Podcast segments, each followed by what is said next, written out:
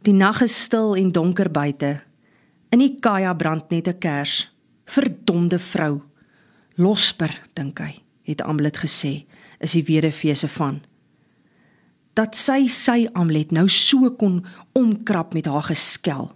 Hy het al gehoor van die mooi vrou sonder 'n arm, maar hy ken haar nie. As hy hier was, het hy haar sommer een van die puntertjies vir die skuld gegee, as dit net sy liefling kon kalmeer. Dis nou al byna 'n week later, maar hy kan sien dat Amlet die konfrontasie nie kan vergeet nie. Wat nog te sê vir werk? Hy ken sy sensitiewe vrou en hy besef nou hy moes haar liewer in Skotland by haar mense laat agterbly en alleen kom delf het. Hoe moes hy geweet het sy gaan swanger raak? Niemand het ooit vir hom gesê 'n opgevoede vrou hoort nie op 'n delwery nie. Die foto's wat hulle hom van Kimberley gewys het, het niks maar niks voorspel van hierdie delwerytjie nie. Hy het hulle ook geglo toe hulle gesê het jy kom net hardloop vir 'n klein tel die blinkes op en gaan skatryk terug huis toe. En toe verneek die hardloper hom nog met die stormlopie vir 'n goeie klim ene Norkee wat glo so goed kan hardloop. Hy het vir die man presies gewys watter klim hy moes mik. Maar nee, toe slaan die vent die penne twee klims verder in. Dis toe dat die skot hom vererg en weier om die hardloper te betaal en vir die vent te sê hy kan hom maar self die vrot klim wat hy afgesteek het vir hom vat. Hy wat Angus Murray is, gaan nie vir die verkeerde klim betaal nie. Gelukkig het niemand toe al die klim waarvoor Norkee moes hardloop gevat nie. Dit is nou die klim wat hy en Jakob werk. Dat Norkee binne die eerste 3 weke 20 karat uit sy klim gedelf het, wil Angus nie eens aan dink nie. Gelukkig is dit net Norkee wat weet dat hy delf in die klim wat Angus nie wou hê nie. Hy het dit ook nie vir Amlet gesê nie. Angus kyk na sy vrou op die bed. Dit lyk of sy darm nou slaap. Skielik is die kamertjie vir hom te klein. Langer kan Angus dit nie meer tussen die sink en die sak uithou nie. Hy moet uit, maar hy kan nie. Amlet kry bitter swaar. Die pyne volg mekaar vinniger op. So kan hy haar nie aanskou nie en hy weet nie hoe om te help nie. Die naaste wat hy ooit aan 'n geboorte was, is sy eie en daarvan weet hy niks. Hy het nooit geweet kraam is so erg nie. Selfs 'n diamant so groot soos 'n skaap se kop is dit nie werd nie.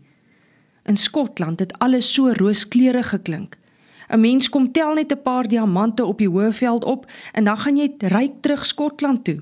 Dat die mense in en om die delwery nie almal diamante is nie, het niemand hom gesê nie. Diamante blink tussen die mense, maar die mens blink nie tussen die diamante nie, het hy op hierdie Hoëveld geleer. Op die smal bedjie kreun sy weer. Ek gaan net haal sê hy en staan op van waar hy op sy knieë langs die bed staan en haar hand derentyd vasklou. Wag net dat dit lig word. Dit is nog nie tyd nie. In die dansende lig van die kort kersie op die tafel, sien hy hoe haar hande weerskante van haar heupe op die grys kombers krampagtig vrommel, haar kop wat ruk, die lang hare wat sprei oor die dun kussentjie. Voor die bed lê Roxy, asof sy weet sy moet op die geboorte wag, dink Angus. Die moeder moet beskerm, op die baba wag, want sy weet dit is haar maatjie wat aan die kom is. Hy roep haar sag, maar die hondjie lig net haar groot ore, asof sy wil sê: "Gaan jy maar, ek sal hulle oppas." Hy loop uit in die donker oggend, los die deure skreefie agter hom oop. Die winter lê wit en wag op die son. Miskien moet hy Hetta tog gaan wakker maak, al ken hy haar nie so goed nie. Soos hy aan Amlet verstaan, sal sy nie omgee nie. Sy's anders as die ander mense van Muur se hoop, sê Amlet. Hy kyk weer na die bywoners se huise kant toe. Gewoonlik trek daar teen die tyd al rook uit die minnaar se skoorsteen, nie vir oggend nie. Aan die ander kant dink Angus en vryf sy koue hande warm. Dit is seker die kommer wat hom jaag. Amlet kreun van vroeg vannag af, maar sy bly keer dat hy in die nag gaan hulp vra. Dis nog nie tyd nie. Nog 'n paar weke, sê sy. Maar hy begin wonder. Dit moet die ontsteltenis wees. Dis die afarm vrou. Sy moes Amlet tot die dood toe ontstel het, al wil Amlet nie verder daaroor praat nie. Die pyne, het Amlet bly sê, is nog te ver van mekaar af. Wag dat dit lig word asseblief, het sy gevra. Angus het gewag, want hy wil hulle nie in die donker en in die koue pla nie. Amlet is nie een wat kla nie, dink Angus. Soos wat sy nie in Skotland gekla het toe hy aangekondig het dat hy na die verre suidpunt van Afrika wil gaan nie. Hulle praat van diamante so groot soos 'n skaapkop, Amlet, het hy verduidelik. Glo jy dit, my liewe Angus? Daar is baie wat ryk geword het uit diamante in Suid-Afrika. Ons krepeer tog nie hier nie en ons is nog jonk, het sy gesê en by hom kom sit. Wat 'n toekoms is daar vir my in die fabriek? Nie veel meer as 'n arm werker nie. Sy het hom gesoen. Geluk is meer as ponde in die bank. Nogtans gaan ek meer uitvind oor die delwerye. Hulle sê ek kan 'n claim vir baie min koop. Ek sal self delf. Toe kom hulle Suid-Afrika toe en in die Kaap het hulle gehoor van die nuwe ryk delwerye op die Wes-Transvaalse Hoëveld. In die laaste groot dorp het hy 'n pik, graaf en 'n sif gekoop. Op die delwerye prakseer die manne hulle eie wasmasjiene, het die man in die winkel beduie. Hy kon self vir hom 'n klein uithardloop want hy was jonk en fiks, maar toe kom Norkee hier aan en sê hy sal vir hom hardloop. Hy ken hardloop vir 'n klein. Hoe Angus aan sy handlanger Jakob de Reko gekom het, weet hy nie so mooi nie. Die was een oggend langs hom in die klein. Hulle het begin delf, soos broers saam die grys omgedolwe en gesif. Hy het geleer om porrel te meng totdat dit soos dik bruin vla onder in die pan lê. Saam met hulle die wasmasjienkie ritmies gedraai soos 'n separator het Jakob by die ander gesien. Angus het self gaan kyk hoe om te gravitate. Hy het geleer hoe om die sif potsierlik en onegale grond te ruk sodat die diamant af kan sak omdat dit swaarder is as die klip en gladder, sê die delwers. Hy weet hoe om die laaste sif om te keer en met kloppende hart van die middel van die nat hoopie grys af met sy tuisgemaakte sortspaan van die hoepel te soek sonder noemenswaardige sukses in elke grafie grys. Tot 'n week gelede het hulle maar min diamante gekry. Hulle kon skaars oorleef en sonder om vir Amlet daarvan te sê, het hy begin rondvra op soek na 'n werkie. Net genoeg om mee te kan deurkom. Net genoeg om mee te kan teruggaan Skotland toe. En gister het die moed weer klein en bietjie blink in die sif kom lê. Hy sal vir die baba kan sorg. Amlet, Catherine as dit 'n dogtertjie sou wees.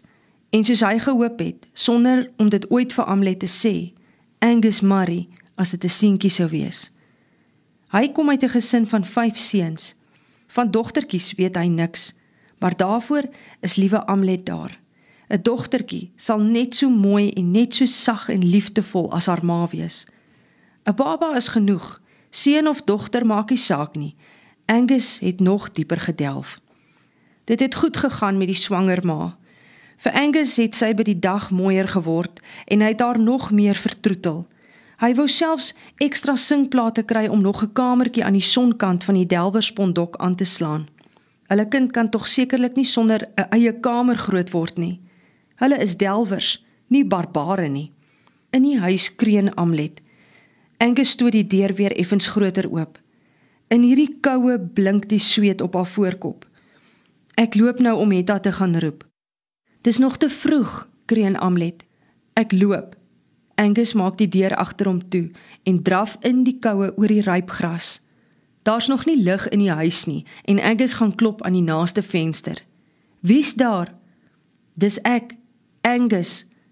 Amlet. Maretta gee hom nie kans om verder te praat nie. Is dit Amlet? vra sy en sonder om op 'n antwoord te wag sê sy: "Ek kom. Gaan terug na haar toe en sorg dat daar water op die primus is." Hy hoor hoe sy 'n kers aansteek en opstaan. Toe Angus die lende lam sink deur oopmaak, verwyd hy hom dat hy het dan nie vroeër gaan roep dit nie. Amlet lê met haar vuiste langs haar kop. Haar mond gaan oop en hy kan sien hoe sy haar knieë onder die kombers optrek. Sy gil. Toe staan Hetta in die kamer. Warm water beveel sy. Hoe hy die water warm gekry het, weet hy nie. Hy hoor net dat Hetta ferm sê dat Amlet moet ontspan en druk wanneer sy vir haar so sê. Haar bene is wyd oop en toe hy kyk, sien hy die koppie.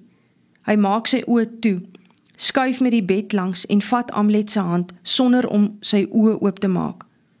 Dat daar soveel krag in sy vrou se skraal handjie is, kan hy nie glo nie.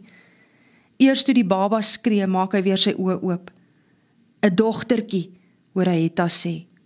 Dogtertjie, snik Amlet en lig haar kop. Amlet Catherine Marie. Cathy sal ons haar noem. Sy sak teen die kussing terug toe Hetta die baba nader bring.